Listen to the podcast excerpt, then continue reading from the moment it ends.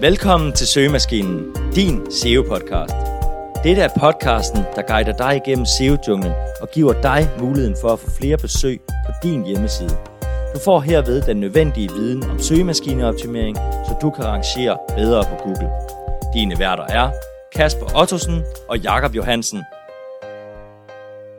Hej Jakob. Hej Kasper. I dag skal vi snakke om meget basic emne, men som kan have enorm stor betydning for, hvordan du rangerer. Vi skal nemlig dykke ned i, hvordan man laver det perfekte title tag. I afsnittet kommer vi ind på, hvor vigtigt title tag er. Vi kommer ind på, om der bør være forskel på de title tag og overskrifter. Kommer ind på nogle basic krav om title tags. Så kommer vi med idéer til, hvordan du laver det perfekte title tag. Og til sidst, hvordan du kan følge op i Search Console. Men Jakob, vil du starte med at forklare, hvor vigtigt title tags det er? Det kan du tro. Title tags, det er et HTML markup, som fortæller, hvad titlen på websiden egentlig er. Det er altså den titel, du ser, når du har lavet en søgning og fået en masse resultater ude i Google. Du kan sammenligne et title tag lidt med titlen på en bog, for hvis titlen ikke sælger, så er der ingen, der kommer til at læse bogen. Du kan derfor have lavet den absolut bedste artikel, men ikke få nogen besøgende, hvis folk ikke klikker på det her title tag, du har lavet. De fleste SEO-folk tror, at din klikrate er med til at påvirke dine rangeringer. Og det giver også god mening, at Google kigger på og rangerer de resultater højst, hvor folk klikker, og derved interagerer med den her side. Så hvis dit post, det ligger nummer 5 i Google, og får mange flere kliks end de andre, der ligger over det, så vil det være naturligt for Google at teste netop din post på højere positioner.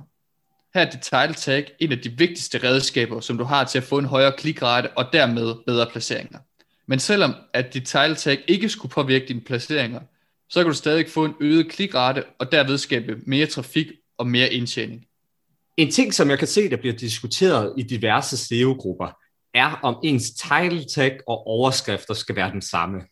Hvis du blogger og bare skriver en masse artikler, kan det godt give mening at bruge den samme tekst til title og overskrift. Der er flere dygtige blogger, der siger, at de aldrig bruger tid på at lave to forskellige, men bare fokuserer på at lave en god overskrift og bruger den som title tag. Det kan i nogle tilfælde give god mening, men vi vil altid anbefale, at du kigger på, om du kan modificere overskriften. Vi ændrer stort set altid et eller andet i overskriften i forhold til title tagget. Når det kommer til landingssider eller kategorisider, så er det typisk en rigtig god idé at tilpasse dem, eller i hvert fald undersøge, om de kan optimeres yderligere. Hvis det for eksempel er en kategoriside, så skal titlen også give mening for dem, der navigerer internt rundt på siden. Der er også nogle gange, hvor titlen får lidt ekstra tegn, som ikke er nødvendigt at have med i overskriften. Det vigtigste er, at overskriften bekræfter de title tag, så brugeren ikke er i tvivl om, at det de får, det er det du lovede. Ofte laver vi en title med forskellige tal, tegn, powerwords osv., men når vi så laver overskriften, så fjerner vi de her ekstra ting og beholder det mest relevante. Et eksempel kunne være, af titlen lød elpriser, bindestreg, de billigste udbydere på din adresse, men hvor overskriften så til gengæld lyder, find de billigste elpriser. Før vi kommer med nogle råd til, hvordan du kan lave det perfekte title tag, så har vi lige nogle basic ting, vi skal igennem og have på plads. Det første det er, at du skal lave din title tag til brugere og ikke til Google. For faktisk så har Google tidligere lagt meget mere vægt på, at title tagget skal bruges til at forstå, hvad du egentlig vil arrangere for. Hvorfor der også er mange, der har lært, at de bare skal stoppe så mange keywords ind i title tagget som overhovedet muligt. Dog er Google blevet en del klogere, og du behøver derfor ikke at få ordet med ind i title tagget for at kunne rangere typisk. Derfor så skal du fokusere på at skrive dit title tag, som øger brugerens lyst til at klikke på det, men best practice er selvfølgelig også, at du bør inkludere dit fokusøver, men ikke lave keyword stuffing i dit title tag. Det andet punkt det er, at du skal lave dit title tag click-worthy og ikke clickbait. Det giver ikke mening at lave en titel, der skaffer super mange kliks, men hvor folk hurtigt forlader din side igen, fordi de ikke fik, hvad de blev lovet. Faktisk så kan det skade dine rangeringer grundet en øget bounce rate. Du skal derfor forsøge at lave title tag, som skaber så meget interesse som overhovedet muligt, men samtidig også sørge for, at sidens indhold lever op til det her title tag, du laver.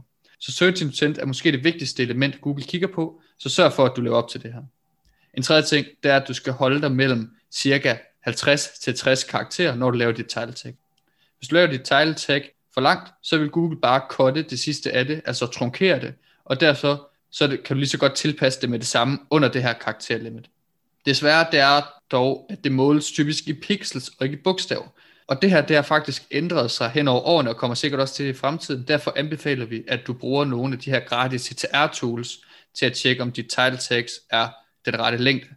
En fjerde ting er, at du bør bruge store bogstaver i dit tegltag. Den simple mulighed, det er bare at lave det første bogstav stort. Men det er faktisk også meget populært at skrive alle de her vigtigste ord med et stort startbogstav. Det er bare vigtigt at huske, at du helst ikke skal skrive hele dit title med stort, fordi det virker ret spammy, og så vil det højst sandsynligt give dig et negativt resultat, frem for et positivt, som du måske havde håbet på. Det er ikke nemt at guide folk til at lave det perfekte title tag, da det afhænger af, hvilken type side og resultat, som brugerne lander på. Vi vil derfor give jer en masse inputs, som I kan bruge til at lave det perfekte title tag til jeres side. Først og fremmest er det vigtigt, at dit title tag klart fortæller, hvad din side handler om. Hvis du vil have nogle inputs til, hvilke ord du kan bruge til at beskrive det, så kan du gå på Ahref og bruge deres Keyword Explorer og indtaste din hovedsøgning. Hvis du scroller ned til søgeresultaterne, vil du blandt andet kunne se, hvilke top keywords, som de bedste rangerende sider har, og se, hvilke titler, som bliver brugt i top 10. Derfra vil du have en god fornemmelse af, hvilke ord eller sætninger, du bør bruge for at rangere godt for denne og andre relevante søgninger. Når du har fundet hovedsætning eller ord, så er det tid til at tilføje noget til denne for at gøre den ekstra interessant. Jakob, vil du lige tage de tre første eksempler? De kommer her. Det første, det er tjek konkurrenterne. Det er en god idé at tjekke konkurrenterne og se, hvad de har gjort. Så hvis alle for eksempel bruger årstal i deres title tag, så vil det også give god mening for dig at bruge et årstal. Nummer to, det er at bruge tal. Det er en af de bedste tricks, vi har i forbindelse med title tags. Fordi tal, de bare skaber flere kliks. Så hvis du på nogen måde har mulighed for at tilføje tal, så gør det. Det kunne for eksempel være en liste. Det kan være igen årstal, som nævnt før, eller priser eller noget lignende. Den tredje ting, det er parentes, og det virker super godt. Brian Dean, som ejer Backlinko, har blandt andet skrevet om, at de her hårde parenteser eller klammer, de øger hans klikrate. Kasper, vil du ikke tage de næste tre? Yes. Du kan også hjælpe brugeren med at skrive, hvilken type resultat det er. Du kan eksempelvis skrive for begyndere, tjekliste eller ni eksempler. Næste det dybde på artikel. Hvis du har lavet en rigtig grundig artikel om et emne, kan du for eksempel slutte af med at skrive den ultimative guide eller step-by-step guide. Kvantitet. Der er også nogle artikler, hvor du bør fokusere på kvantitet. Du kan for eksempel skrive de 21 bedste eller 10 steps osv. Så kan du også gøre brug af hastighed. Der er nemlig nogle gange, hvor du kan skille dig ud ved hastigheden ved for eksempel en opskrift, hvor det kunne give mening at slutte af med, at det tager kun 15 minutter eller noget lignende. Og det relaterer selvfølgelig også tilbage til de her tal, vi snakkede om tidligere.